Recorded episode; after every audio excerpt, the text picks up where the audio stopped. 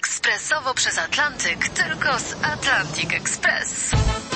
Z nami wyślesz co chcesz, kiedy chcesz, do kogo chcesz i to o 40% taniej. W Atlantic Express wysyłamy wszystko. 1 800 775 7363. Mienie przesiedleńcze, kontenery, paczki do Europy. Atlantic Express o 40% niższe ceny na wysyłki, kontenerów, samochodów i paczek. Ekspresowo przez Atlantyk, tylko z Atlantic Express.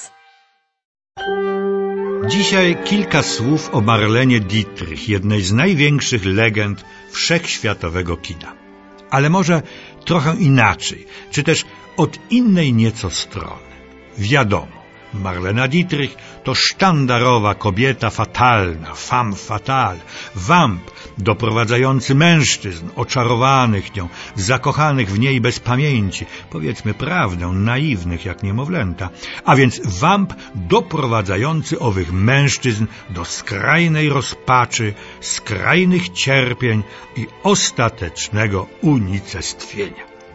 Tak widzieli ją i taką tworzyli spece od reklamy, marketingu i temu podobnych starych i nowoczesnych technik kreacji gwiazdy. Chcieli, żeby taką była również w życiu osobistym. I tu kosa natrafiła na kamień. Marlena Dietrich protestowała. Role, które gram w filmach, nie mają naprawdę nic wspólnego z tym, jaka jestem w rzeczywistości. I dosadnie dodawała, głupotą jest łączenie tych ról z moją osobą. A te spodnie, w których chodziła, czym wtedy, 70 lat temu, wywoływała oburzenie, ale i wprawiała w zachwyt. Doszukiwano się nawet pewnych dwuznacznych podtekstów. Kobieta w męskich spodniach. Marlena Dietrich odpowiadała jasno. Ubieram się tak, jak mi się podoba. Przeważnie chodziłam w spodniach, gdyż mieszkałam niedaleko plaży i spodnie były praktyczniejsze niż suknie i pończochy. Jako młoda dziewczyna była chuda i blada.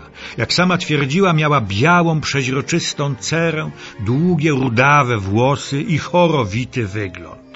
Rodzice byli zamożni, więc otrzymała bardzo dobre wykształcenie. Chodziła regularnie do teatru, dużo czytała do końca życia, nie opuszczała żadnego ważnego koncertu. Sama grała na fortepianie i skrzypcach. Jak mówiła, dzięki muzyce byłam szczęśliwa. Fascynowała się Szekspirem, Goethem, Rilkem, później Hemingwayem, Remarkiem, Faulknerem, Steinbeckiem. Malarze?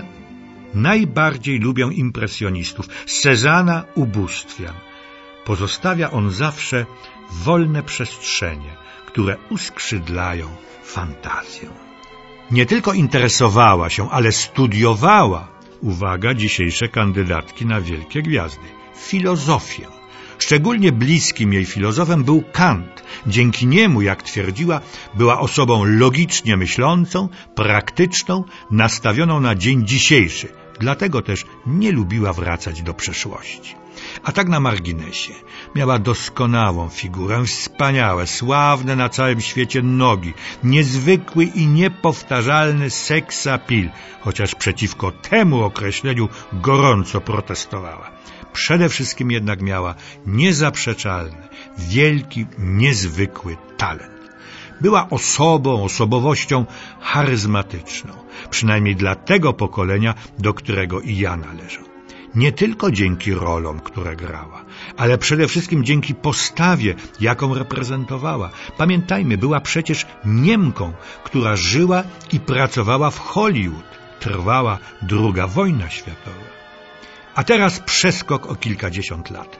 Oto zimą roku 1964 zjawia się Marlena Dietrich wraz ze swoim zespołem muzycznym w Warszawie. To było wydarzenie, które dziś trudno opisać.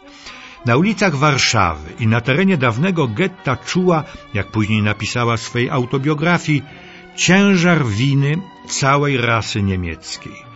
Było strasznie zimno, ale Polacy przyjęli nas gorąco. Kobiety mówiły mi o tym, że podczas wojny walczyłam po ich stronie i opowiadały, że nawet więźniom obozów koncentracyjnych znane było moje zaangażowanie i dodawało im otuchy.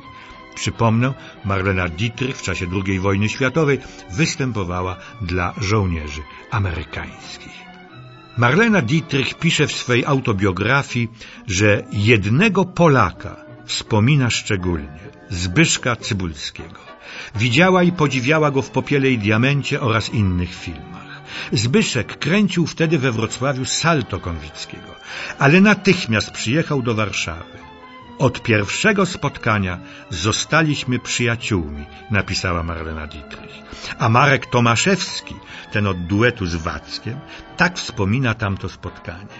Efektowna babcia, wspólne turne, zakochana w Zbyszku, mężczyźnie o najbardziej zmysłowych ramionach.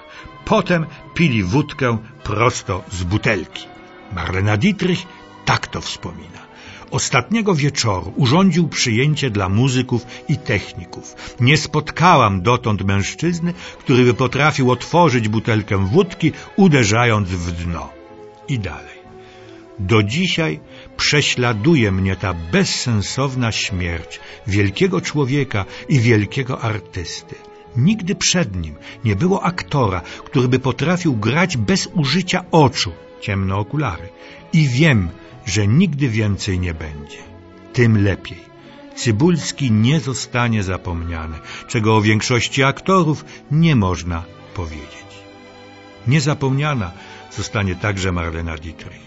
Zbyszek Cybulski zginął w 1967 roku, miał 40 lat. Marlena Dietrich zmarła w 1992 roku, miała 91 lat. Dwoje, jakże różnych, ale wspaniałych, jedynych aktorów prawdziwego, wielkiego kina.